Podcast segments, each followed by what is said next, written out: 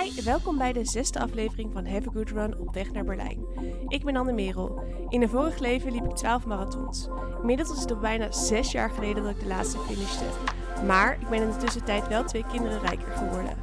Op zondag 29 september hoop ik in Berlijn eindelijk marathon nummer 13 te lopen. Dat doe ik niet alleen. Mijn zusje Roos Marijn loopt die dag haar allereerste marathon. Roos studeerde fysiotherapie en bewegingswetenschappen, maar is nu fulltime aan het werk bij een bank. In deze podcast delen we onze weg naar Berlijn. De hobbels en de bobbels, maar ook de dingen die juist wel goed gaan. Wij zitten er klaar voor, jullie hopelijk ook. Let's go!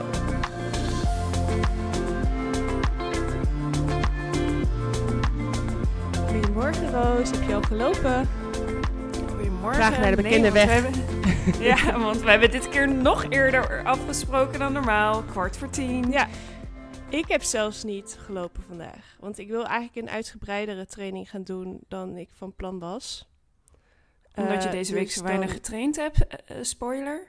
Ja, dat onder andere. En omdat het vandaag veel beter weer is dan morgen. Voor iedereen die Ah. de podcast luistert op de dag dat die uitkomt, het weercijfer van morgen is een 2. Nou, zijn er natuurlijk alleen slechte. ehm dus there's no such thing as bad weather, eh, alleen slechte kleding. Eh, maar ja, min- ik loop toch liever met een weercijfer 7 dan met een weercijfer 2, moet ik zeggen. Jij niet?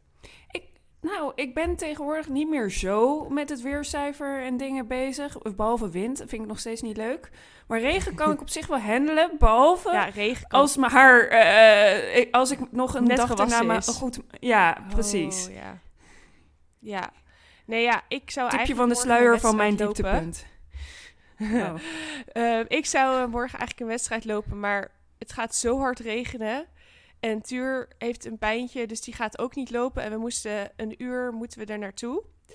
Eh, en dan Hmm. ook natuurlijk een uur terug. En we moeten allebei onze kinderen meenemen. En het gaat keihard regenen en wordt windkracht 6. Nou ja, sorry, maar dan ga ik geen 5 kilometer wedstrijd lopen. Want ik had ook niet de allerbeste, fitste week. Dus ik ga lekker trainen vandaag. En dan morgen een iets rustigere, kortere training.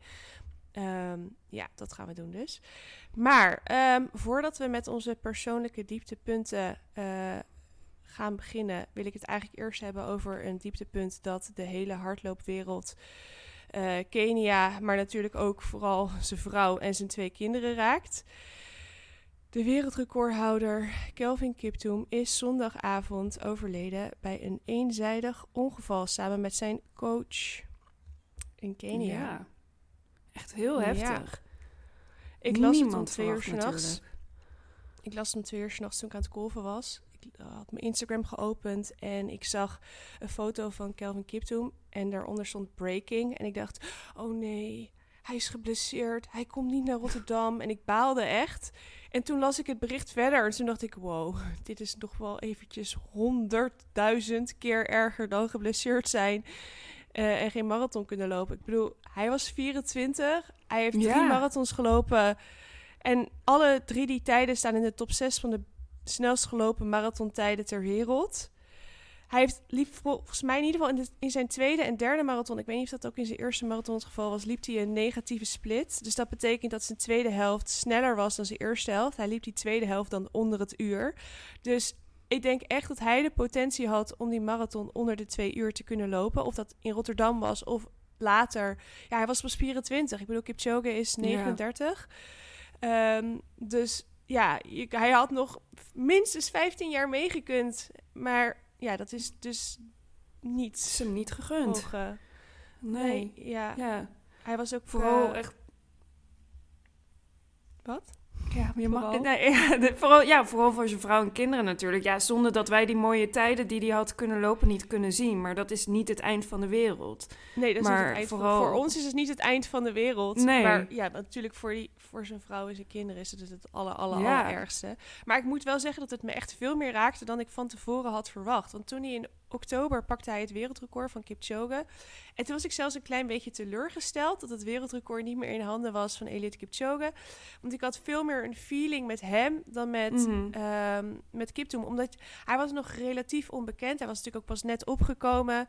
Hij had het wereldrecord op dat moment ook nog niet. En ehm, ja, ik, had, ik heb Kipchoge ook in het echt ontmoet. En ik heb toen en me een paar vragen mogen stellen. Dus ik had veel meer een soort van band met Kipchoge. Ook al heeft, is er een band met Kipchoge natuurlijk totaal niet. Want zij... Het voelde, het voelt meer als een iemand die ik soort van tussen haakjes kende dan Kiptoom.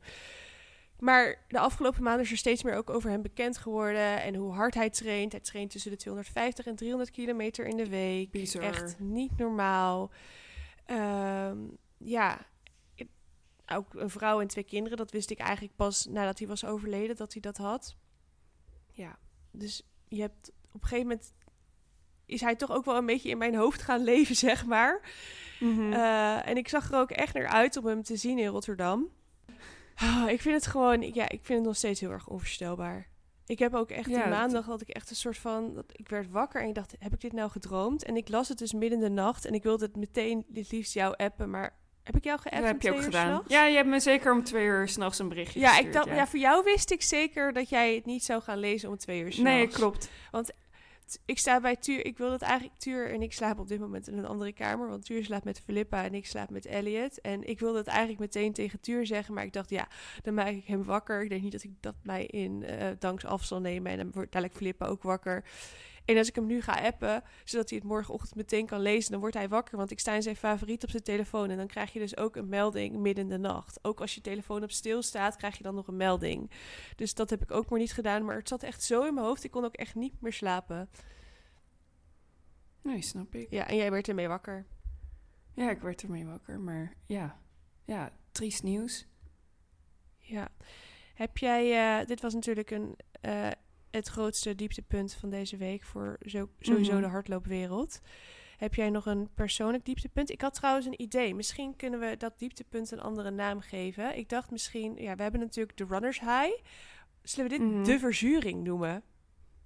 Oh ja, vind ik wel een leuke. De verzuring. Ik heb geen... eh, Het was geen verzuring letterlijk wat ik had, maar... Ja, ja. Ja, maar nee, verzuring, je bent wel een beetje zuur Ja. erover, zeg maar. Oké, ja, nee, ik heb wel een zuur moment. Maar ja, dat stelt natuurlijk helemaal niks voor eigenlijk. Maar om het toch nog even luchtig te houden, eh, de podcast. Ik eh, stond, had maandag mijn haar gewassen en dat was eh, schoon. Niet naar het weer gekeken. Nee, nee, nee, eigenlijk niet. Er stond dat het buien zouden zijn. Dus ik dacht, nou, het wordt, als het buien zijn, dan wordt het ook een keer droog. Maar ik moest dinsdag ook Ja. weer hardlopen. Mijn langzame... Mocht. het, Mocht ik hardlopen. mocht, mocht, eh, ja, ik mocht eh, hardlopen en dat was eh, mijn langzame korte training van 35 minuten.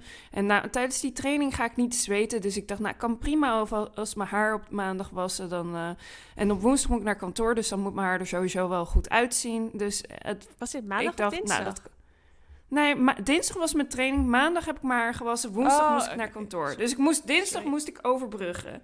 Ik moest het overbruggen en het was prima weer totdat het het eind van de dag werd. En toen begon het een beetje te regenen. Maar ik dacht inmiddels, nou volgens mij is het droog. Dus ik had mijn haar leuk gedaan, want ik zweet niet tijdens deze training.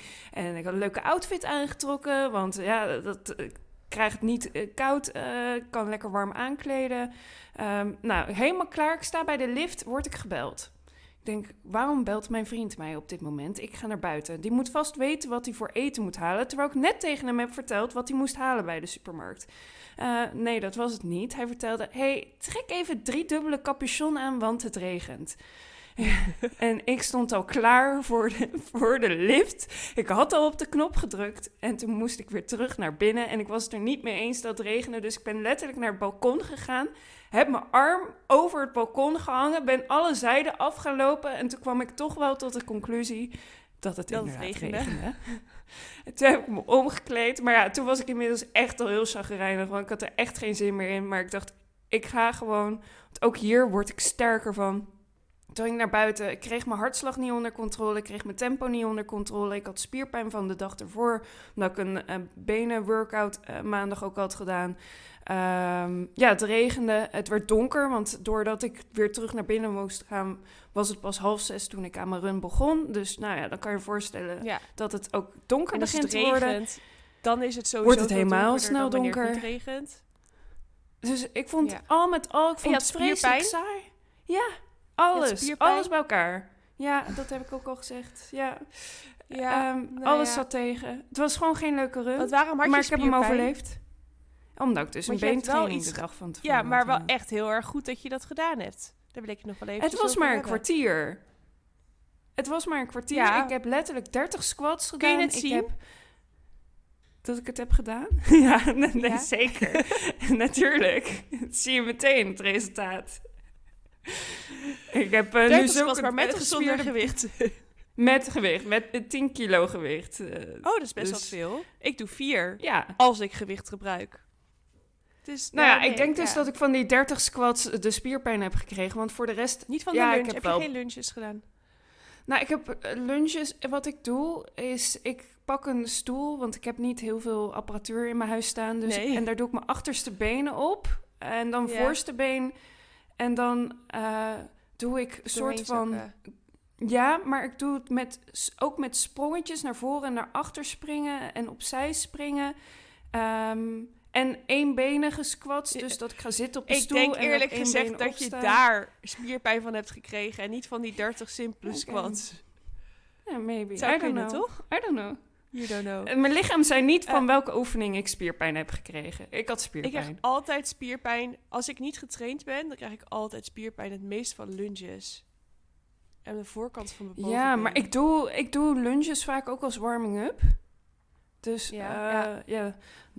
Omdat ik Je dat hele goede activatie wel, zeg voor... maar. sta- eh, s- ja, eh, het is een, voor mij een hele goede activator van mijn stabiliteitsspieren. Dus dan doe ik... Ik doe niet echt diepe Ja. lunges, maar meer van die renhouding. Zo, zo dynamisch eh, lunges doe ik vaak.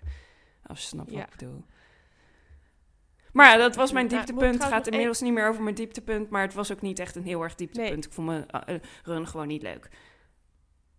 Ehm, ik moet nog wel eventjes een side note maken. Want een paar weken geleden ging het in de podcast Naar de Fijntjes over haren wassen en eh, hardlopen. En dat het altijd een struggle is van wanneer was je je haren met de Mhm. regen, bla bla bla. Die podcast heeft Roos niet gehoord. Dus dit Nee. dieptepunt, deze verzuring had niks te maken met deze podcast. Nee. Dit was all Roosmarijn. Het is gewoon echt Ja, een universeel maar- hardloopprobleem voor...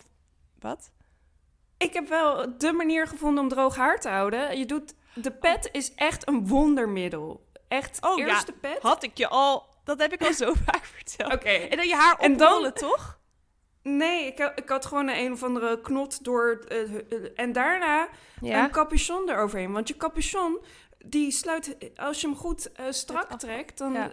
sluit hij heel goed aan bij de pet. En hij blijft zitten. En hij wordt geen parachute achter je. En hij waait ook Ja. niet af. In ieder geval, het waaide misschien ook niet zo hard, maar... Was, mijn haar was perfect droog, er was helemaal niks aan de hand. Ik had inderdaad niet gezweten, dus het was ook niet nat onder de pet geworden. Want dat was wel waar ik bang Zo. voor was, dat ik een broeikast-effect eh, zou gaan kweken. maar Nou, maar wat ik dus zelf dan nog doe, is dan... Ik doe dan mijn staart door die pet heen. En dan rol ik mijn haar op. En dan heb ik een elastiekje waar ik geen klitten van krijg. En dan zet ik het daarmee vast. En dan krijg je ook Mm. nul klit in je haar. Omdat je haar eerst, eerst kammen. Sowieso eerst kammen voordat je het in de, de- voordat je het oprolt. Want anders komen er alsnog klitten. En dan, eh, ja, dan gaat het eigenlijk meestal wel goed. Ja, maar ik denk sowieso Want ik dat was ik het ook nog maar... klittenprobleem heb ik nooit. Oh ja, Ik nou, heb- ik heb ik heel snel klitten in mijn haar en ik ben daarin zeker niet de enige. Als je veel klitten hebt, rol je haar op in een knot, zet het vast met meerdere elastiekjes, eh capuchon eroverheen. Prima. Eh, ik was mijn haar nog maar twee keer in de week, terwijl ik soms al vier... Afgelopen week heb ik vijf keer hard gelopen en ik heb het maar twee keer in de week gewassen en het stinkt niet of zo en het ziet er ook gewoon prima uit. Dan moet ik wel zeggen dat mijn haar meestal in een staart zit, dus dat het er toch nooit heel erg fancy uitziet. Het is niet dat ik het helemaal speciaal gefeund heb of zo.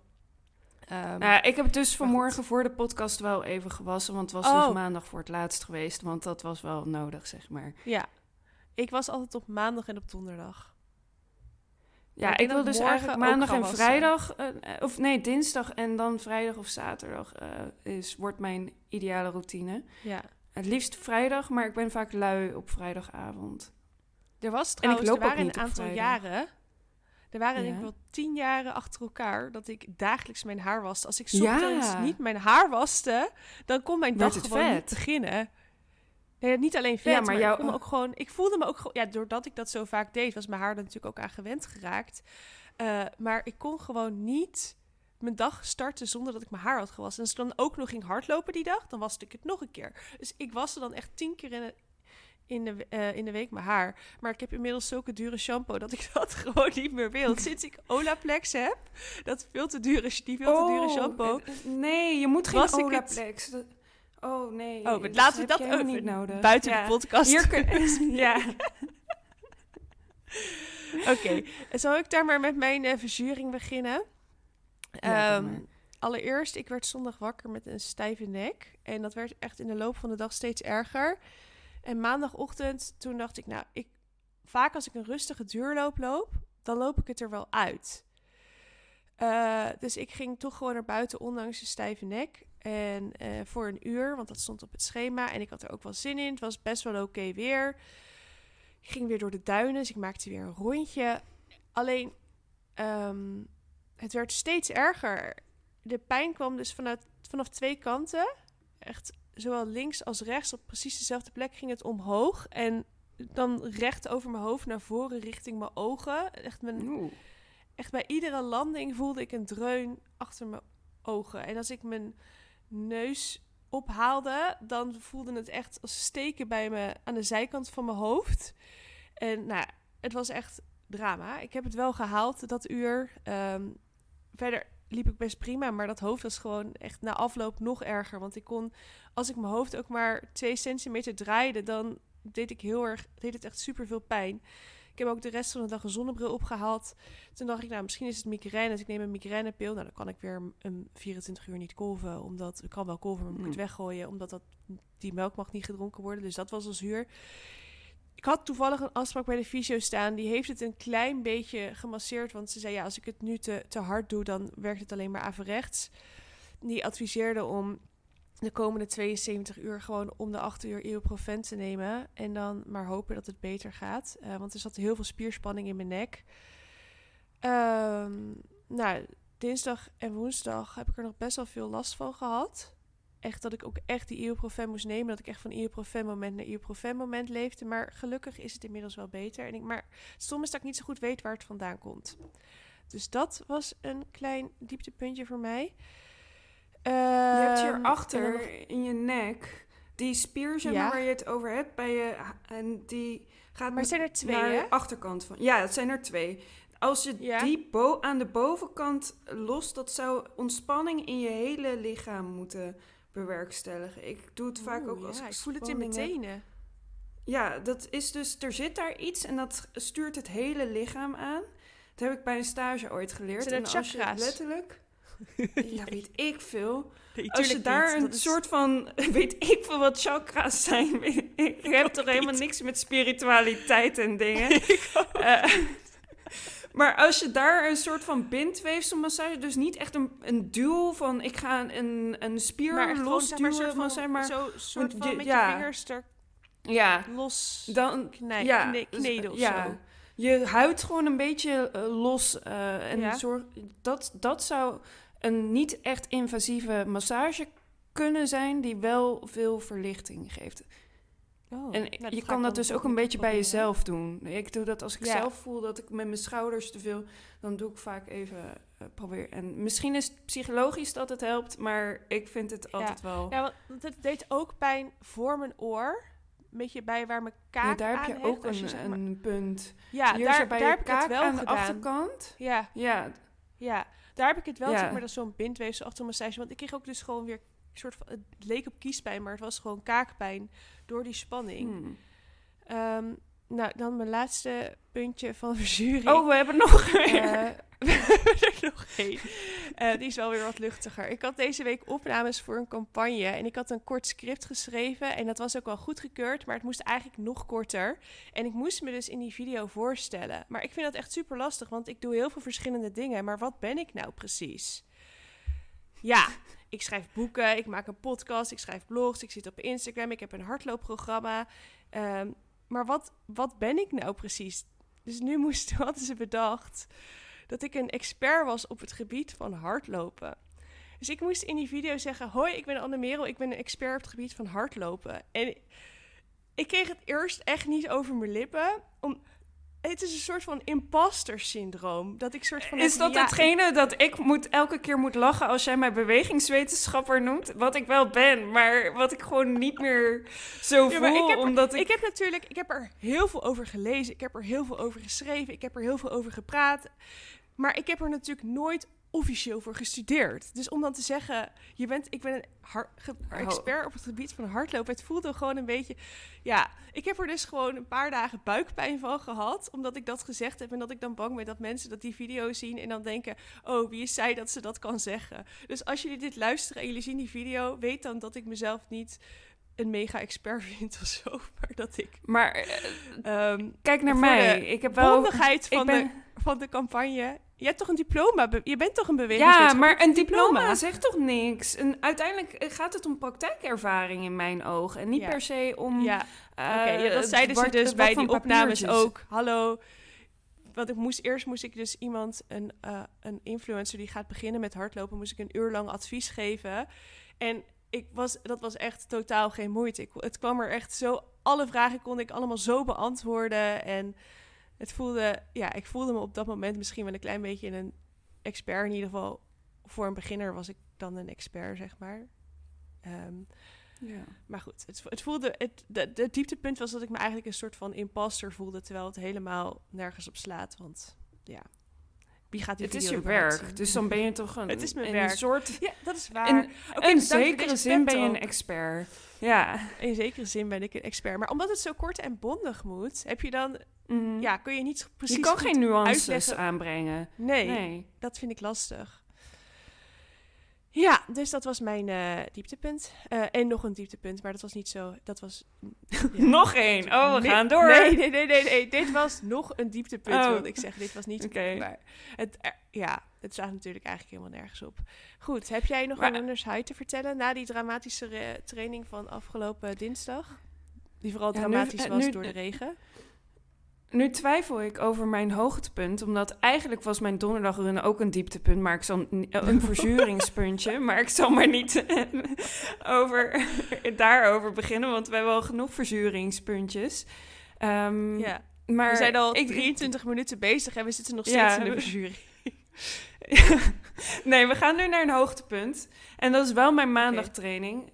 Maar ik wil wel een kanttekening zeggen. Progressie is niet lineair. En soms zie je misschien niet aan je statistieken dat je progressie maakt. Maar als je dan eh, toch terug gaat kijken, dan zie je toch wel dat je echt progressie aan het Ja. maken bent. En dat was voor mij op maandag merkte ik dus dat ik echt progressie aan het maken was. Want we hadden eh, de maandagtraining, dat is de eerste training van de week. Dat is de korte intervaltraining. Dus dat was 12 keer 2 minuten was het, toch? Met één minuut rust eer- tussendoor. Ja. In de eerste training die we deden in week 1 was 10 keer 2 minuten. Oh, nou ja, in ieder Die- geval. heb je het daar niet mee 12 vergeleken? Nee, ik was dat even vergeten. Maar in ieder geval, ik kan mentaal, kan ik wel... Ik heb het nu drubbelend tussendoor gedaan. Dat is al echt... Dat kon ik echt niet aan het begin van eh Nee. trainingsschema. En daarnaast heb ik alle twee minuutjes zo rond de 440 gelopen. Dus dat vond ik ook heel erg netjes. Ehm, Ja. En ja, dus dat ging heel erg goed. En dat was een moment dat ik echt hele dui- heel duidelijk progressie zag. En ik ga straks ook terugkijken hoe ik het dan in week 1 heb gedaan. Toen ik nog wandelde tussendoor en eh, ja, een stuk minder Twee herhalingen getraind minder had. deed. Ja, maar ja, het, het, het ging gewoon echt... Het, het voelde goed, het ging lekker en eh, tempo's gingen goed. En eh, ja, ik was eh, heel blij. En maandag was het ook lekker weer om hard te lopen. Dus het Ja, was een hele zeker. goede, lekkere run. En waarin ik echt progressie merkte. Alleen ja, donderdag merkte ik dat dus niet. Maar toen ging ik terugkijken naar mijn resultaten van... Ik dacht van, volgens mij was ik vroeger veel beter. En toen ging ik terugkijken. Nou, absoluut niet. Het was gewoon objectief gezien een hele goede training. Maar omdat het, je hebt zo'n korte termijn geheugen... dat je denkt van, ja, maar Ja. ik was toen toch veel beter. Ik ging toch allemaal veel makkelijker. Ehm, en het viel allemaal wel mee. Ja. Eh, Maar nee. alsnog, progressie is niet lineair en niet elke training Nee. zal niet evenveel resultaat Maar geven, maar je geeft heel- elke keer weer. Ja, Wat ik zelf heel Ja, erg heb, is ook wat ik met wedstrijden heb. Dus als ik één keer een goede wedstrijd heb, dan ben ik helemaal in extase. En een week daarna, of een paar weken daarna, als ik dan weer een wedstrijd doe, dan heb ik die wedstrijd nog in mijn hoofd. En dan heb ik een juist weer een mindere wedstrijd. En dan heb ik die mindere wedstrijd. En dan zit dat weer in mijn hoofd. En dan een keer daarna, dan heb ik weer een wedstrijd. En die gaat dan juist weer heel erg goed. Omdat het, het is ook voor, heeft voornamelijk ook te maken met hoe jij je erop instelt. Wat je Mhm. verwacht van jezelf. Wat de output is, zeg maar. Ja, je dus voor- en Als je dus verwacht dat, dat je, ja, als je verwacht dat het beter gaat en het gaat dus minder dan je had verwacht, dan, eh, ja, dan kan je ook het gevoel hebben dat je niet zo goed bezig bent. Maar dat slaat natuurlijk eigenlijk Dat is op. Ik had Precies zo. in t- ik had toevallig deze week een quote gelezen die ik had gemarkeerd in een boek. Hier. You judge, you judge what's sustainable based not only on how you feel, but on how that feeling compares to how you expect it to feel at that point in the race. Die is diep, daar moet ik nog even over nadenken. Nee, ja. Je, je bepaalt dus niet. eh, kijk, sustain. Ja, hoe moet ik het zeggen? Ik ga weet het wel, eruit maar ik- kan- waarschijnlijk. ja. ik, ik denk dit, dit kan ik, dit bedenk ik zo in mijn hoofd in het Engels dat ik het niet naar het Nederlands kan vertalen. Maar als je verwacht dat iets pijn gaat doen, dan kan je het vaak langer volhouden dan als je verwacht, hey, dit zou helemaal geen pijn moeten doen en het doet wel pijn. ja, Eh, dus dan, dan eh, kan je het niet volhouden, omdat je al in je hoofd dacht van, hè, maar dit, dit is raar. Ik had dit toch wel gekund? ja, daarom gaan ook altijd mijn eerste intervallen slechter dan mijn laatste. Want in mijn eerste intervallen denk ik, waarom ben ik zo moe? Waarom voelt het allemaal zo moeilijk? En het laatste interval is het gewoon, oh, dit gaat eigenlijk best wel makkelijk. Ik kan dit Nou, eigenlijk dat is dus wel bij mij, dat is echt het eh, grappig, want dit is totaal tegenovergestelde van mij. Want ik heb dus juist vaak dat ik, de- dat ik denk, oh, dit, ik kan dit tempo echt niet. En dan loop ik die eerste en dan kijk ik niet op mijn horloge en dan loop ik 10 seconden te snel. Dat had ik ook af. Dat heb ik nou echt nooit. ik voel echt, als ik 10 seconden sneller loop, dan ben ik echt dood. En dan denk ik, "Oh, waarom ben ik zo dood? En dan denk ik, oh ja, Ja, maar ik ben dood 44 omdat is ik veel eigenlijk te- 10 seconden. 10, 44 is 10 seconden sneller dan jij eigenlijk zou moeten lopen. Ja, en daarom was donderdag ook zo'n tegenvaller, omdat ik daar 4,55 liep. En Ja, die eh, training ga ik mijn hartslag... vanmiddag nog doen. Oeh, het is, het is een leuke training, maar hij is wel echt, echt zwaarder dan ik had zwaar. gedacht. Ja, Ja, maar ik- misschien moeten we ook even zeggen wat de training was. Want het was zes keer zes minuten met één minuut rust op 10 kilometer tempo. Ja, en dus eigenlijk het 10 kilometer tempo. Ja, voor mij is dat nu. Als je naar die 8 kilometer wedstrijd kijkt, is dat 4,35. Maar sorry, dat ga ik me, gaat me gewoon echt niet lukken. Gaat me echt niet lukken. Ik ga Dat vind ik echt een slechte ga- instelling. Nou ja, ten eerste heb ik veel last van mijn nek. Dus ik durf niet, zeg maar, echt keihard te gaan pushen. Omdat ik dan toch meer mijn nekspieren vast ga zetten. En ten tweede, eh, ja, ik denk dat die subthreshold, dat die, dat die dan meer effect heeft dan wanneer ik echt keihard over mijn drempel heen ga.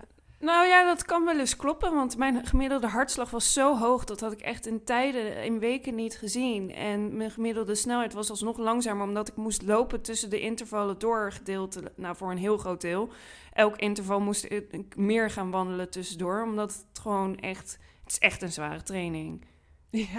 Ja. maar ik denk dus dat die, dat die training is dus minder zwaar voor iemand die bijvoorbeeld 70 minuten over de 10 kilometer doet, dan voor iemand die er eh, rond de 50 minuten of 45 minuten over doet. Omdat het een 6 minuten is natuurlijk van 70 is een kleiner Ja. percentage dan 6 minuten van 45 of 50 minuten. Tuur zegt, die training die kan ik echt hoog uit op halve marathon tempo. Je bent helemaal gek. dus ja, Nou ja, eh, dat verklaart dus een beetje waarom eh, ik een minder gevoel had. Maar achteraf heb ik het wel gewoon gedaan. Dus ook dat is weer een building blok voor de marathon. Ja, ja. Ik denk dat als ik die training, als ik hem zeg maar, dit dat ik het programma aan ga passen en dat ik hem dan eerder op 6 keer 1000 zou zetten. Of op 6 keer Dat is denk ik een 800. betere. Ja. Ja, Want dan is het voor iedereen dezelfde percentage van, van de afstand. Eh, ook al doe ik nu altijd die training in minuten en hou ik van consistentie dat het dan altijd minuten is. Ik denk dat het wat dit betreft beter was geweest. Want voor mij is het dus waarschijnlijk rond de 1350 meter. En dat is echt wel een lang stuk. Misschien ga Ja, ik ook wel nou gewoon ja. 6 keer 1000 doen in plaats van 6 keer 6 minuten.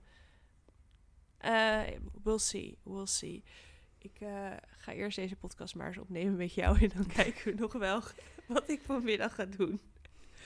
Eh, oh ja, ik heb ook nog wel iets positiefs te vertellen. Ik had dus ehm, zaterdag, zondag en maandag achter elkaar gelopen. En dat, dat was niet echt zo gepland. Het kwam zo eventjes uit.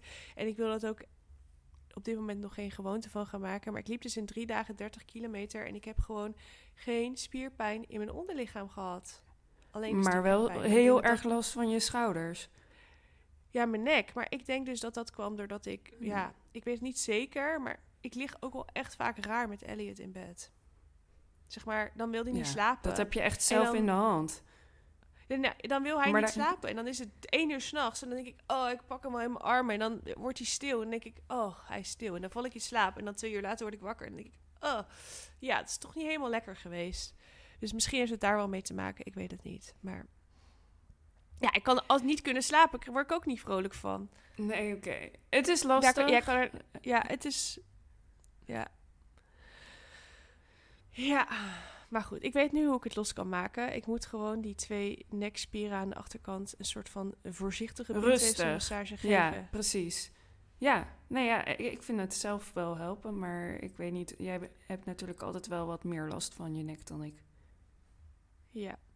Ehm, heb jij verder nog iets te vertellen over je trainingsweek? Want volgens mij hebben we nu alle drie jouw trainingen besproken. Je hebt, gis, je hebt zaterdagmiddag nog Ja, een klopt. duurloop gedaan.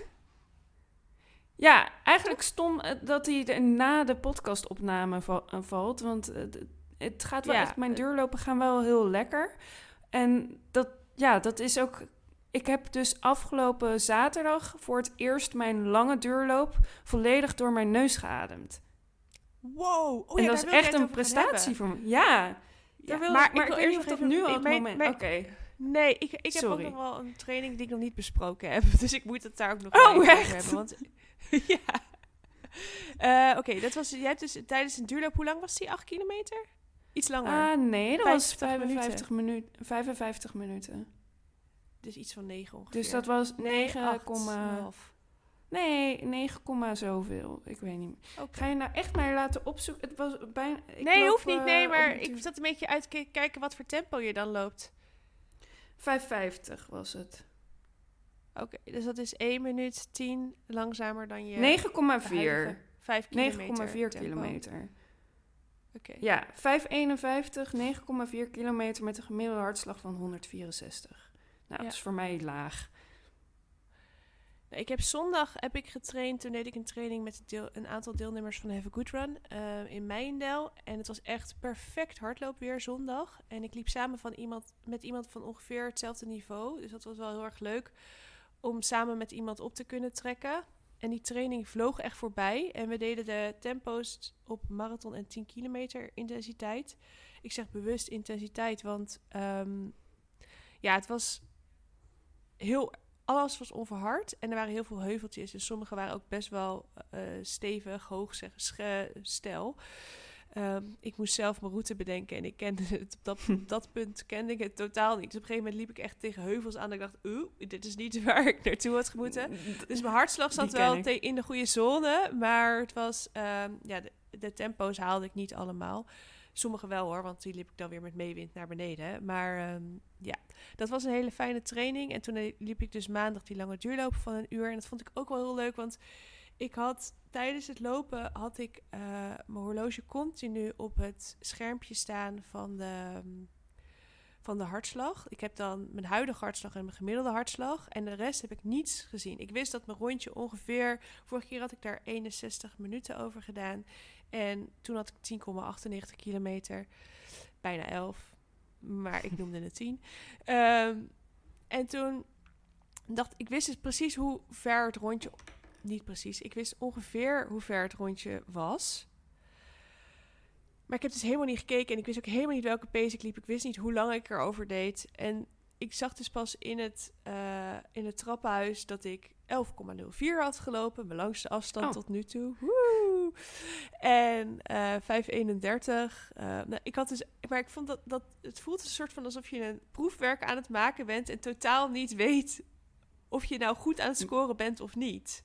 Want het had voor mij net zo goed 5,45 kunnen zijn. En Ja, het ik had vind net dat goed echt gekund dat het bizar. 65 minuten. Je wilt toch weten Ja. wat je tijdens je... Maar jij hebt ook uitstaan dat je elke ronde een piepje krijgt met eh, Ja, maar ik wil daar gewoon eigenlijk niet mee bezig zijn. Ik wil gewoon lekker in de flow komen. En als ik de hele tijd naar die piepjes zit te kijken... Ik Ja, zit in een flow, maar ja, ik, misschien zit ik nog een beetje in de fase van... hé, hey, wat voor een tempo loop ik? Hoe, hoe kan ik mezelf rustig houden? Want soms Ja, ik eh, ga- gewoon- begin ik te snel en dan denk, gaat mijn hartslag natuurlijk gaat ook omhoog. En dan moet ik mezelf ik echt weer even tot rust manen. Maar Ja, als en ik kijk ook eigenlijk- weet ik dat ik niet te hard ga. Ja, maar in mijn eerste paar kilometers vind, is mijn hartslag en mijn tempo zijn soms eh, niet helemaal eh, corresponderend. Compatible. Dus dan, ja, dus dan ja, is mijn tempo te snel, maar mijn hartslag is nog laag, want hij is nog aan het opwarmen. Ja, dus nee, dan denk ik van, oh ja.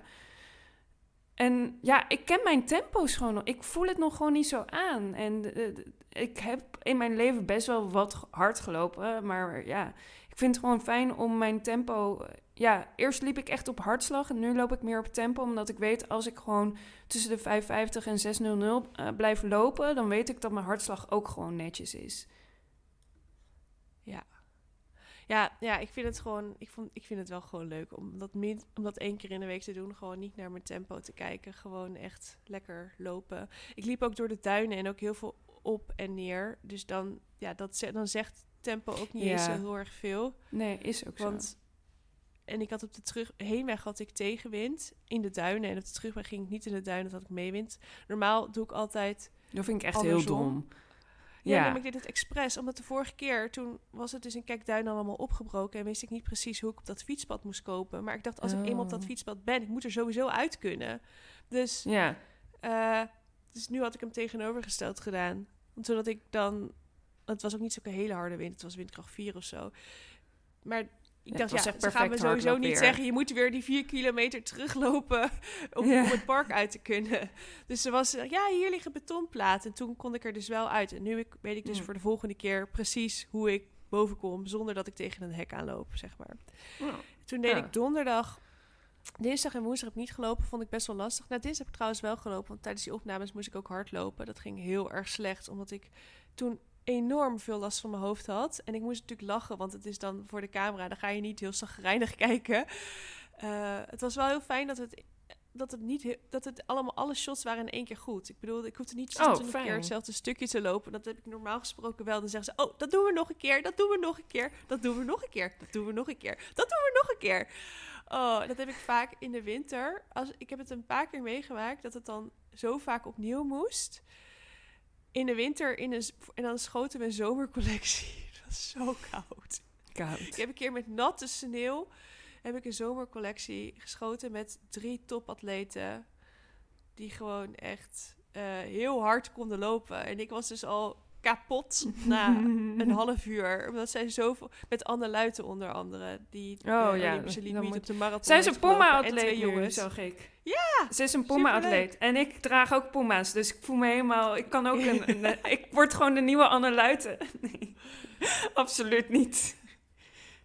Ja, ze is Wel maar trouwens één nog ouder dan jij. Dus je moet wel opschieten. Oké. Ja, oké. Volgend jaar loop ik dezelfde...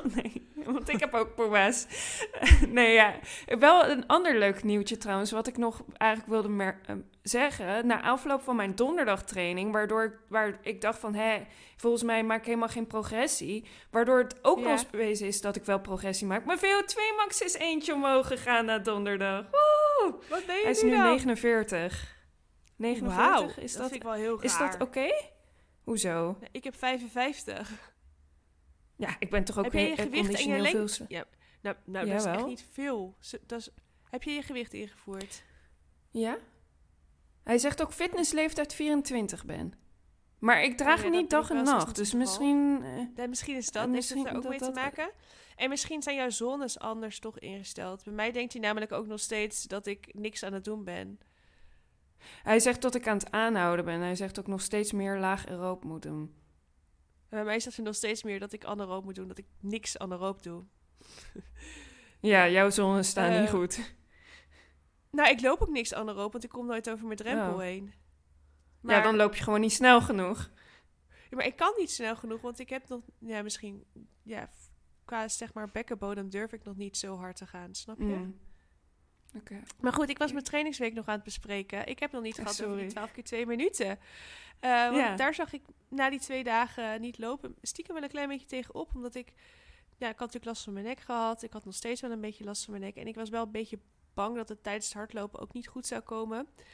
Ehm, maar ik had met Tuur besproken, ga gewoon acht keer twee minuten in plaats van twaalf keer twee minuten. En start gewoon rustig in. Nou ja, dus ik tien minuten easy gelopen. Voelde niet super fantastisch.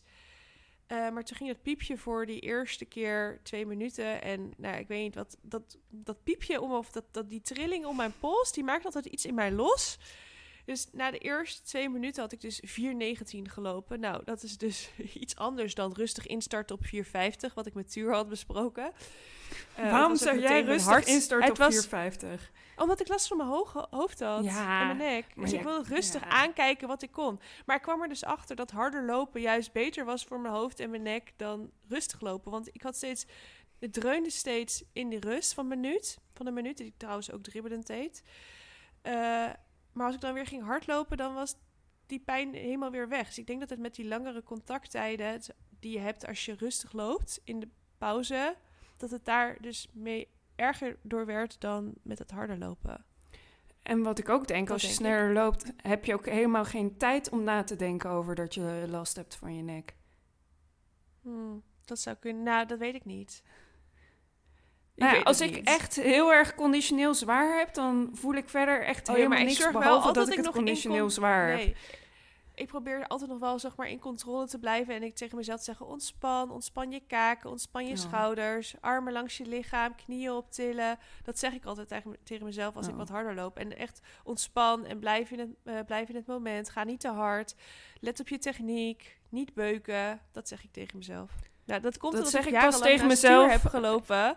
En die zegt dat altijd Ja? tegen, die zei dat altijd tegen mij als ik aan het lopen was. Gewoon Dus dat is een soort van mantra geworden. Ja. Ah. Dat is een soort van mantra geworden in mijn hoofd. Maar je gaat ook harder. Oh, dat is de slogan van de, van de Midwinter Marathon in Apeldoorn. Je gaat harder als je lacht. Er hadden dus heel veel mensen hadden tijdens die Oh. wedstrijd die ik twee weken geleden deed, hadden zo'n shirt aan. Er stond op de achterkant, je gaat harder als je lacht. Nou, ik heb echt nog nooit zoveel gelachen tijdens een wedstrijd. Dat ik dacht, ah, lachen, lachen, lachen, lachen, lachen. Kipchoge gaat ook altijd lachen als hij iets zwaar heeft. Want dan ontspan je je lichaam. Je ontspant je kaak, je ontspant je Oh, oké. lichaam. Maar goed, ik Maar- maar, zou dus acht keer doen. Toen dacht ik, ik ga tien keer doen. En toen had ik er tien gedaan. Toen dacht ik, ja, als je er tien gedaan hebt, kun je er ook twaalf doen. Dus toen heb ik er toch gewoon tw- eh, twaalf gedaan. En ik kwam wel een beetje in de buurt van mijn eh vijf kilometer tempo. Mijn vijf kilometer tempo is volgens die laatste wedstrijd nu 4,25. Ik liep 4,27 gemiddeld. Dus dat vind ik best Netjes. netjes. Best netjes, inderdaad. Wat wil jij nog zeggen? Want je wilde me net in de reden vallen. En Oh. toen kapte ik ja, jou weer geen af. meer. Ja, ik wil zoveel zeggen. Ik kan van de hak op de tak. Ik, Ja, vooral nee, ik dat... Oh ja, ik weet alweer wat ik wilde zeggen. Als ik ga lachen, dan verkrampt juist alles. En ontspant helemaal niks. Want mijn lach is gewoon zo spastisch als ik weet niet wat. Ja, moet je oefenen met lachen voor de spiegel. Oh, Nee. oké. En, en vanmiddag ga ik dus nog die eh 6 keer 6 minuten proberen. Zin Ik- in. 60 of 6 minuten. keer 1000. Ja, die heb ik dus al gedaan. Ja. Ehm, ja, ik zou dus 6 wil keer jij het nog duizend gaan doen. hebben? Want, eh, Ja, ja, want anders ga je 10 kilometer Zes- tempo echt niet halen. nee, oké. ik zal wel 6 keer 1000 doen. En dat doe ik misschien wel gewoon eh, met, weet ik veel, hoeveel rust. Het was 1 minuut rust, toch? 1 minuut, ja. Doe ik wel gewoon 200 rust of zo. Ik wil hoor, Dat is iets wil. meer ik dan een echt minuut. wandelen, anders haalde ik niet eh, het tempo wat ik wilde. Ja, dat kan natuurlijk ook. Ik vind het, ik vind het, ja. We gaan het zien. Lastig, hè? Ik ga wel eens kijken waar ik vanmiddag zin in heb. We deden de laatste zes keer vier minuten en dat vond ik echt een hele zware training. En Ja, die, liep ik toen al dus- op 10 dat vind kilometer tempo. Prima. Ja, die liep, liep ik volgens mij 10 ook. Die liep ik niet op vijf. 440. Dat Nee. sowieso niet. Maar nee, ik, ja, Jij moet nee, gewoon een keer een wedstrijd lopen zodat je harde tempo's hebt. Oh ja, tuurlijk. 14 april, nog twee maanden, acht weken. Er is nog windsport. jij wilde het hebben over eh, ademhaling. Ja, want ik ben dus aan het.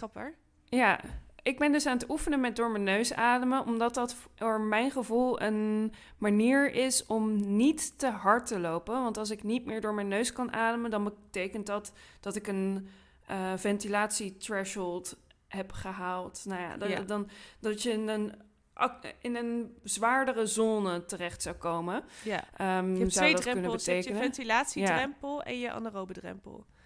Toch? Ja. Ja, dus, maar, en daar ben ik aan het oefenen mee geweest. En ik deed dat al tijdens mijn langzame korte training. Die ik echt nog langzamer, die loop ik echt boven de 600. Um, echt gericht op alleen, rustig lopen met een lage hartslag.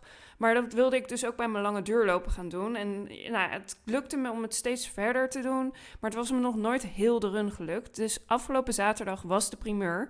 Het is mij nou ja, 9,4 kilometer lang gelukt om door mijn neus te ademen. Ehm, en dat ging heel erg goed en dat voelde goed.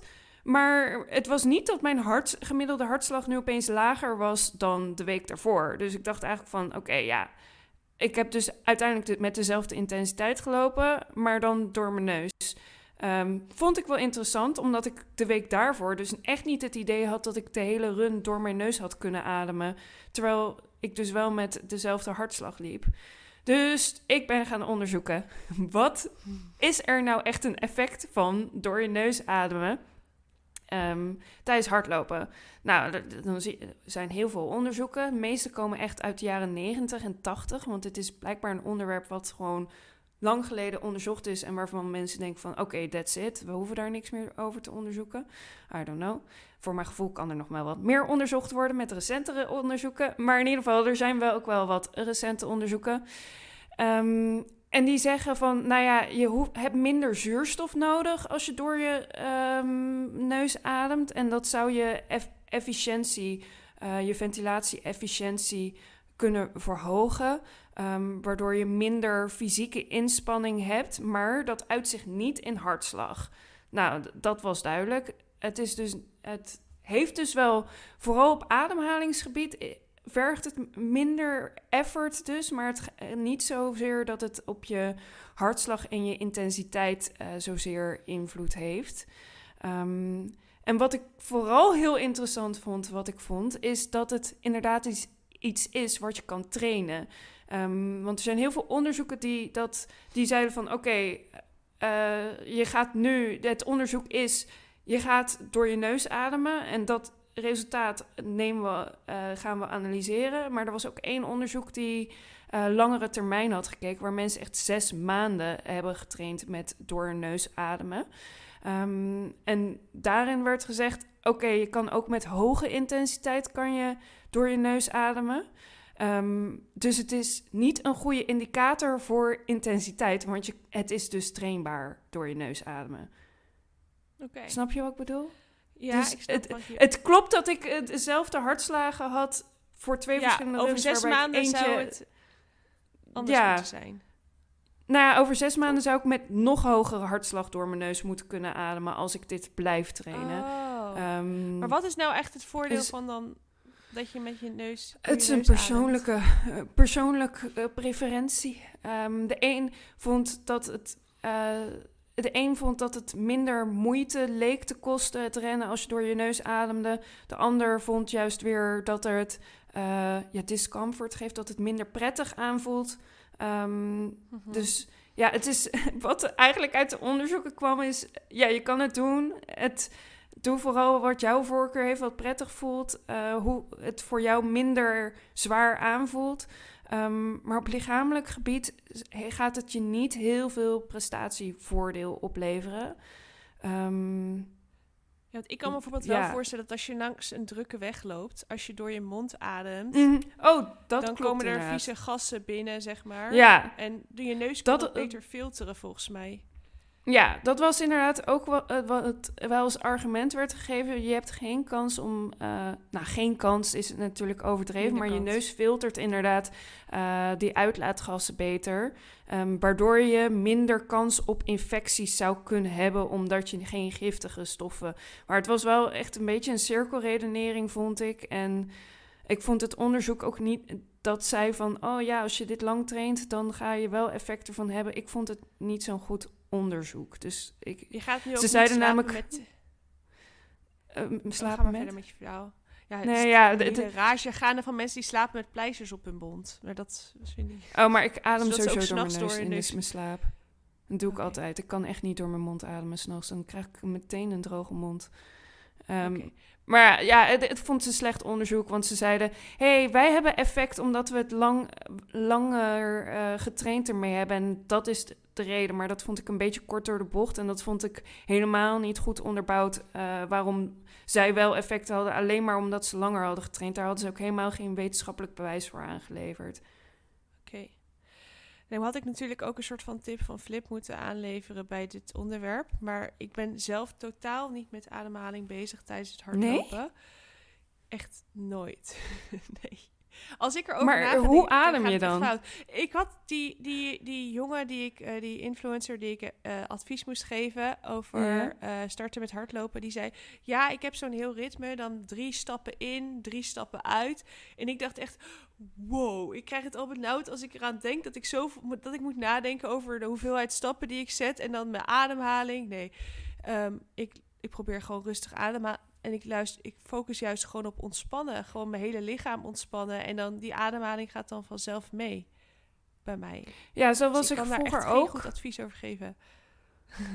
En ik denk ook dat Ja. dat eigenlijk de goede manier is. En ik denk dat er veel belangrijkere indicatoren zijn of je goed eh hard loopt of niet. Dus gewoon hartslag of tempo. Dat geeft veel beter aan eh, in welke zone je zit dan je ademhaling. Dat is eigenlijk ook mijn conclusie. maar als jij je fijn bij ik- voelt om ja. jezelf te ontspannen door, door je neus te ademen, zeker Ja. doen. Want als ik zeg maar met Tuur aan het hardlopen ben. Tuur loopt eh, op dit moment rond de 16 minuten op de 5. En ik loop rond de 22 minuten op de 5. Uitslover. Ehm, als ik met Tuur een duurloop doe op hetzelfde tempo, dan hoor ik Tuur altijd Mhm. mega hard hijgen. En dan denk ik, wow, het gaat echt niet goed met jou. En dan zeg ik, wat is jouw Nee. hartslag dan? En we hebben ook hetzelfde omslagpunt. We zitten allebei rond de 170. En hij zat aan 125, maar dan heb ik echt het gevoel alsof hij helemaal aan het sterven is op mijn tempo. Maar hij ademt gewoon zwaarder. En hij, ja, dat is ook gewoon heel erg persoonlijk, denk ik. Want hij heeft het Ja, dan dat niet is zwaar. het maar dus dat, ook. dat klinkt dan gewoon zo. Ja, Ja, ik heb als zelf- je die onderzoeken ik, leest, het is echt persoonsgebonden inderdaad, hoe jij fijn vindt om te ademen. De stuur moet Ja. lekker blijven hijgen. ja. En ik eh, loop wel eens... Als ik hard loop, dan probeer ik altijd eh, iedereen te begroeten. En als ik een rustige duurloop doe, dan zeg ik meestal tegen iedereen die ik passeer... Goedemorgen of goedemiddag. Dat is een woord met vier lettergrepen. En op het moment dat ik zeg maar... eh, dat woord niet meer zeg, maar ineens hi zeg... eh, dan denk ik, oh ja, dat zeg jij omdat je moe aan het worden bent. Omdat je dus eigenlijk te hard aan het gaan bent. Dus dat, daar merk ik aan mezelf van, van jij loopt nu te hard. Mijn ademhaling zit niet meer in de juiste zone als ik niet meer goedemorgen kan zeggen. Maar ik hoorde van jou dat jij nooit goedemorgen zegt. Nee, ja, daar heb ik dus een vraag. eh, Daar heb ik dus echt een vraag over. Want is dit een Ja, ik woon aan de verkeerde kant van Den Haag dingetje? Zeggen mensen echt gedag tegen jou, ook als jij het niet zegt? nee. Nee, dat bedoel ik. ik, Ik, heb nog nooit vaak iemand... dat, mensen, dat ik keihard genegeerd word. Maar ik krijg altijd energie als ik mensen aanmoedig of mensen. Oké, oké, maar dan mensen. snap ik hem. Ik dacht, gaat En er nou wat mis bij mij in de buurt? Want ik heb nog nooit... Maar echt Die heb je hier echt ook wel. ook. Nee, Ja, absoluut niet. Misschien is dat meer een ding van in een dorp en in een stad. En het gebied waar in Den Haag waar ik woon, is, voelt misschien toch net iets meer dorps. Dat ik echt in Ja, ik weet niet. woon, Ja, zeg dat, dat is dus ook, eh, dat is ook dus mijn gedachte erbij. Als ik, Maar ik ben wel Ehm, altijd de ga- eerste ik zie- die... Ik, ja, oké. ik ben degene die het Ik, ik, doe neemt, soms, zeg maar. ik doe soms de hand als ik echt iemand zie aan. eh, als ik iemand zeg maar. eh, soms. Je hebt mensen die standaard links van de weg lopen. En je hebt mensen Ja. die standaard rechts aan de weg. En nou, ik loop, Ja. ben vaak zo iemand die links loopt. Maar het verschilt wel eens hoor. Is echt situatieafhankelijk. En Ja, wat voor een fietspad het eh, is. Maar als je dan elkaar in allebei aan dezelfde kant loopt en elkaar tegemoet komt. eh, dat, en dan dat één iemand bewust effort maakt om dus een cirkel. Vaak maak je allebei de effort om een cirkel te maken. Ja. En dan kom je erachter, oh, eh, dit werkt zo niet. En dan doe ik wel Nee. doe ik de hand. En dan zeg ik soms wel eens hi. eh, maar dat is al. vaak probeer ik gewoon te glimlachen. "Mm, En dan ga ik, weer door. Ging, ik Ja. zelfs zeg maar, als ik eh, op een fietspad loop langs een tweebaans weg en ik zie aan de overkant iemand hardlopen, zwaai ik naar de Dat is- overkant. ja. Nog geen nooit goedemorgen, zo, dat gaat me dan nog iets veel verder. en die mensen kijken soms ook wel een beetje, maar, maar soms kijk je gewoon een beetje naar elkaar van, oh, hoe loopt die? Wat heeft die aan? Ja, en dan zeker. kijk je naar de schoenen. En als je dan zo aan het kijken bent, dan kun je maar beter iemand begroeten. Want anders voelt het zo, ja, ik weet niet, zo onpersoonlijk of zo. Ja. Ja, er, het, bij mij lopen er echt allemaal profies voor mijn gevoel. Ik, eh, pas zag ik Kun je een toch gewoon niet kun je vrouw toch en ze zag er zo... Ze zag er zo... Ja, nee. Ja, zij begroet mij ook niet. Ze kijkt gewoon echt helemaal gefocust. Gewoon helemaal Ja, voor zich uit. En dat ze van die, allemaal, maar als van jij die hoge sokken, zegt- compressiesokken. Ja. En dat- mensen met Ja, compressiesokken zie ik echt als experts trouwens. Oh, Ja. echt? Oh, ik niet. Dat zijn mensen die last hebben van hun kuiten. Ja, maar sommige mensen eh, vinden of niet. zijn Of gewoon... last van hun schenen. Ja, maar er zijn mensen die dit gewoon standaard doen. Ik had ermee lopen. En vaak compressiekousen zijn- in 2012. En toen was ik echt niet zo professioneel.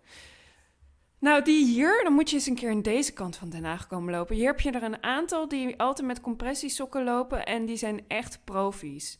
Gewoon echt. Ik vind mensen die zijn ze op snelle- eh, 400 aan het lopen. Oké. Maar eh, ik vind mensen die zo'n hele snelle, eh, snelle planga, hoe je dat, zo'n snelle Ja. hebben, die vind ik profi. dat je zeg maar Ja. zo'n lelijk ding opzet, dan vind ik je profi. Nou, je hebt tegenwoordig wel ook echt mooie. En daar zie je op Instagram Ja, hebben al die chicks hebben zo'n eh, ook vind- mooie ja, Oakley of whatever Maar is. die staan mij niet, denk ik. Dat denk ik dus Ik- ook, maar ik ben wel benieuwd. Ik ook. Nou, misschien moeten we, eens moeten we er eens in investeren. Eh, of gewoon in, de, in een Of winkel gewoon passen. zeg maar. Ja, ja, dat lijkt me beter. ja. Oh, ik heb nog een leuk nieuwtje. Oh, Ja, vertel. zeker. Nou, ik zag op jouw Instagram een aankondiging dat Nike voor Valentijnsdag 25 of tot 25% korting had. Ik heb gisteren een, een hardloopbestelling gedaan voor het, ik denk voor het eerst in minimaal vijf jaar. Minimaal eh, vijf jaar heb ik sport iets anders dan hardloopschoenen besteld. Ja, in al mijn hardloopsokken zitten gaten, dus dat, het, het kan gewoon Oh ja. niet meer. Moet gewoon echt nieuwe. Ik moest nieuwe sokken, Sokken? hebben. Eh, daarnaast, ehm, daarnaast was het van de week was het opeens 15 graden. En toen dacht ik, shit, super heet. Blote benen weer komt eraan. En ik had het ook echt thuis er best wel heet. Maar ik, ik ben nu zo gewend aan leggings met een zakje aan de zijkant dat ik dacht, shit. Ik moet voor, als het straks blote benen weer is, heb ik ook shorts nodig met een vakje. Dus ik heb ja. meerdere shorts eh, besteld. Ik moet even kijken. Ik, ik heb ook de een heb ik in een XS, de ander in een S besteld. Eh, even kijken wat zit er goed, wat zit er niet goed, Ja. wat vind ik een leuk model, wat niet. Hoe strakker En ik ik zit, heb hoe nog- beter je telefoon blijft zitten. Oké, Als je ze te wijd koopt, dan gaat je telefoon ja. heen en weer. Oké, goed om te weten. Ga ik op letten bij het passen. Ik heb een beetje op de basis van de beoordelingen geschat wat de maat moest zijn. En ik heb ook nog een, eh, een singlet, zeg maar, voor de zomer. Ja. En een shirt met korte mouwen eh, Oh, erbij besteld. Wanneer komt Ja, het? ik heb ja, maandag dus. Ik heb het gisteren besteld en ik had gehoopt dat het er vandaag zou komen. Maar ze hebben iets langere bezorgdheid bij Nike dan ik had gehoopt. Maar het is wel echt een goede aanbieding voor, want je hebt niet zo vaak 25% korting. eh. Nee. en dan zeg ook ik, sale het is wel de volgens mij, bedoeling dat ik iets. Ja, dat was dus raar, hè? Want ik had één paar sokken die was al in de aanbieding van 15 voor 10 of zo. En toen ging, werden ze 7,50 voor twee paar of zo. Toen dacht ik, nou, Oké, je hebt me overgehaald. Ik ga straks ook nog een keer kijken. ik had al geshopt, maar ik mag nog meer shoppen. Nou ja, ik Eh, vond ik het wel eh, een goeie. Ja. Ja. Ik vind het alleen jammer dat de Vaporflies niet eh, meedoen met de actie. Want ik had wel Ah, ja, dat wist ik gekocht, Maar niet. die zijn helaas uitgesloten van de actie. In dat shirt dat ik, dat groene... eh jij houdt niet van groen, sorry. Ik hou dit verhaal, stop ik alweer. Maar dat Eh, groene shirt dat ik... legergroen wel. Ik heb legergroen aan. Nee, nee, nee. Dit was echt Oh, een beetje oh, oh, zo. oh ja, ik weet wel. Ja, nee, dat is niet die mijn ik in de kleur. campagne Staat droeg, die niet. vond ik heel... Ja. Ik moet jou die legging trouwens nog teruggeven. ja, graag, want ik heb nu dus, Ja. ik heb nu dus twee leggings in de relatie zitten. Ja, en dat is niet zo heel veel. Maar misschien wordt het wel weer heel lekker warm. En dan heb je er eh, alleen maar korte broekjes nodig. hey, maar Ja. Roos, nog 32 weken tot Berlijn. Ik wil niet zeggen dat het bijna is, maar de weken vliegen best wel voorbij. Dit is ook gewoon alweer Ja, de zesde zeker. podcast. bizar. Ehm, dit was alweer de zevende week van 2024. Wat zegt jouw horloge nu als voorspelling voor de marathon? Oeh, laten Heb we je daar afgelopen- kijken. Ik kijk dus na iedere training. Kijk ik het Ik eerste wat ik doe is kijken wat hij zegt. Bij mij Ja. is het inmiddels 3.35.59. Het is zo grappig. Ik begon op 3.41. Dus iedere week is het een minuutje eraf. Alleen toen ik die 8 kilometer wedstrijd deed, toen waren er twee minuten af. Nou, ik ben er dus achter gekomen sinds invoering van mijn hele langzame korte training. Ga, dat is echt waar ik het meeste effect eh, zie op mijn marathontijd. Niet je vier trainingen in dus, plaats van eh. Nee, vooral omdat ik eh, Echt meer laag loop. aeroop moet. eh, ja, en Oh, ja. daar, dat, dat vindt hij echt een hele goede voor de marathon. Dus ik ben eigenlijk best wel exponentieel gezakt met mijn tijd. Want ik zit nu op 4.02.25. Terwijl bent toen we met de 10 podcast 10 begonnen... Ja, ja. Ik begon met 4.12 Wauw. eh, is de podcast. Wij zijn ja. er zes minuten af, bij jou zijn er tien minuten af. Goed bezig, Ja. Roos. Je En ik moet nog bijna onder de vier vandaag. uur. Ja, ik ook. Ja, Ik mag nog. maar moet, ik moet wel zeggen... Ja, oké, ja, het mag inderdaad. En ik ben ook echt wel... Ik heb ook echt zin in. Maar moeten, dat is zo'n standaard woord wat je zegt. Ik moet dat Ja, echt... weet ik, maar ik heb eh, dat dat moet ik afleren. Ja, ik heb het dus in zes jaar tijd, want de tuur heeft mij dat heel heeft me daar bewust van gemaakt dat ik het niet als moeten mag zien, moet zien. En als je een jaar niet kan hardlopen door een zwangerschap, dan begint het ook al, dan zie je het ook alweer wat meer als mogen of zo. Snap je? Ja, daar ben ik het wel ook eens echt mee eens hoor. Ja. Maar in ieder geval, ik mag weer hardlopen. Dan daarna, ik gok dat na mijn run van vandaag mijn marathontijd onder de 402 zit. Laat me weten. Ja, Laat me weten. Ja. Ik probeer dus iedere zondag een foto te maken van het scherm. Ja, dat vergeet ik week dus elke vergeten. Ik ben het keer. één week vergeten, maar eh, ik hoop dat ik in ieder geval ah, over, eh, als de marathon is, dat ik in in ieder geval 20 foto's heb, dat ik die progressie zo kan zien. Ja, Ehm, dat is wel leuk. heb ik ook nog een huishoudelijke mededeling, want we staan inmiddels op Podimo. We stonden woehoe. daar, onze, onze podcast stond er, of toen ik het nog samen met Tuur deed, dat, toen ging het automatisch. En nu, eh, sinds wij het samen doen, komen de podcasts niet meer op Niet meer. Podimo. Maar ik heb contact opgenomen met de klantenservice en het probleem is gefixt. Dus we staan nu ook op Podimo. Yay. Dus als je daar liever wil luisteren dan op met de app waarmee je nu luistert, dan kun je dat vanaf deze week doen. Eh, en Had je beter in het begin van de podcast kunnen zeggen. Want nu zijn mensen misschien Oh ja. allemaal via Spotify aan het luisteren... terwijl ze dat helemaal niet willen. Oh ja, sorry. Nou, dan voor de volgende podcast weten ze het. Of ze kunnen nog een keer luisteren en dan op Podimo. We zijn natuurlijk ook gewoon te beluisteren op Soundcloud, Spotify en Apple Podcast. En misschien nog wel Ja, wat ja, meer, ja. maar ik- dat weet ik niet. Als je op iets anders luistert dan op een van deze vier ehm, platforms, laat het dan vooral weten via onze Instagram. Have a good run, laagstreepje de podcast. Want dan, ehm, dan weet ik dat. Want ik weet eigenlijk helemaal niet waar we allemaal precies te beluisteren zijn. Jij ook niet, denk ik. Nee, want jij beheert deze podcast. Eh, ja. Volgende week zijn we er weer. Roos, heb je al een onderwerp bedacht? Ah, Ik heb anders wel een onderwerp. Ik heb anders wel Wat? een onderwerp, want ehm, elektrolyten. Oh, ja, dat is wel interessant. Daar heb ik, ook iets in mijn studie over gehad. Ik hoorde namelijk heel veel mensen over dat ze de hele dag elektrolyten eh, drinken. Dat is heel belangrijk, bladibla. Maar zijn dat nou gewoon eh, influencers die iets aan de, aan de man moeten brengen? Ik Of denk het wel. Dat, eh, ja, nou Nou ja, ja, met borstvoeding is het sowieso misschien wel belangrijk. Want ik drink 4 liter water op een dag. Dus misschien heb ik wel elektrolyten nodig. Maar ik heb nog geen onderzoek gevonden die eh, marathons lopen en borstvoeding geven combineert. En met elektrolyten. Dus, eh, maar misschien kan jij voor mij onderzoek doen, want jij hebt natuurlijk veel meer kennis hierover dan ik. Vooral Weet in jij, hoe eh, eh, werkt. Nou ja, er was een ehm, Jumbo-Visma. Nou, het heet nu Visma Lease Bike, weet ik veel hoe ze nu heten. Maar eh, toen het De- nog Jumbo-Visma... de zeg maar. eh, ja, de wielrenploeg. Zij hadden een bepaald iets wat zij dronken. En dat is, eh, werkt dus echt gewoon... Daar is echt nul wetenschappelijk bewijs Was het voor. iets maar... van bakpoeder of zo? Was het iets nee, anders? ja, het, dat, dat, dat is ook weer iets is ook weer raars. een ja. Nou, ik, ik ga even ook eh, de artikelen van eh, mijn studie... Want ik heb een heel vak voeding en sport... eh sport en BCAA. heb ik. Ja, nou, dat is, dat is niet. Ja, dat is meer voor gewicht heffen. Maar dat is alleen maar. Je houdt meer water vast, waardoor het lijkt alsof je spieren groter zijn. Oh. Of dat was creatine. Nee, dat was creatine. Dat oh, ik ben alles door. De, ja, dat is creatine. BCAA. Oh, ik weet het niet meer. Ik heb zoveel nou, gehad. jij hebt een week lang om dit allemaal uit te zoeken. Ik heb ondertussen wel eh, elektrolyten gehaald, omdat ik dacht misschien toch wel handig om het een klein beetje aan te vullen, omdat ik dus ook heel veel spierspanning heb in mijn nek en schouders. En ik dacht misschien helpt het daar ook wel mee als ik dat... En, en als het eh, placebo helpt, dan is Nou het ook, het dan is is het ook wel- iets wat helpt. Dat, dat, dat dingetje dat ik heb, dat is 8 euro voor 10 tabletten. En je moet er vier op een dag. Sorry hoor, maar ik ga dit echt niet zomaar... Als het niet werkt, ga ik dit echt niet zomaar drinken. Dan kan ik echt Wat is dat voor een dure grap? Ja, dat heet Nuun, heet het. En maar oh, ik heb het wel eens gekke- gezien, ja. Het is niet echt een gekke prijs. Ik heb dit gekocht omdat ik toen ik in 2013 voor het eerst in New York was, toen had ik die tabletten gekocht.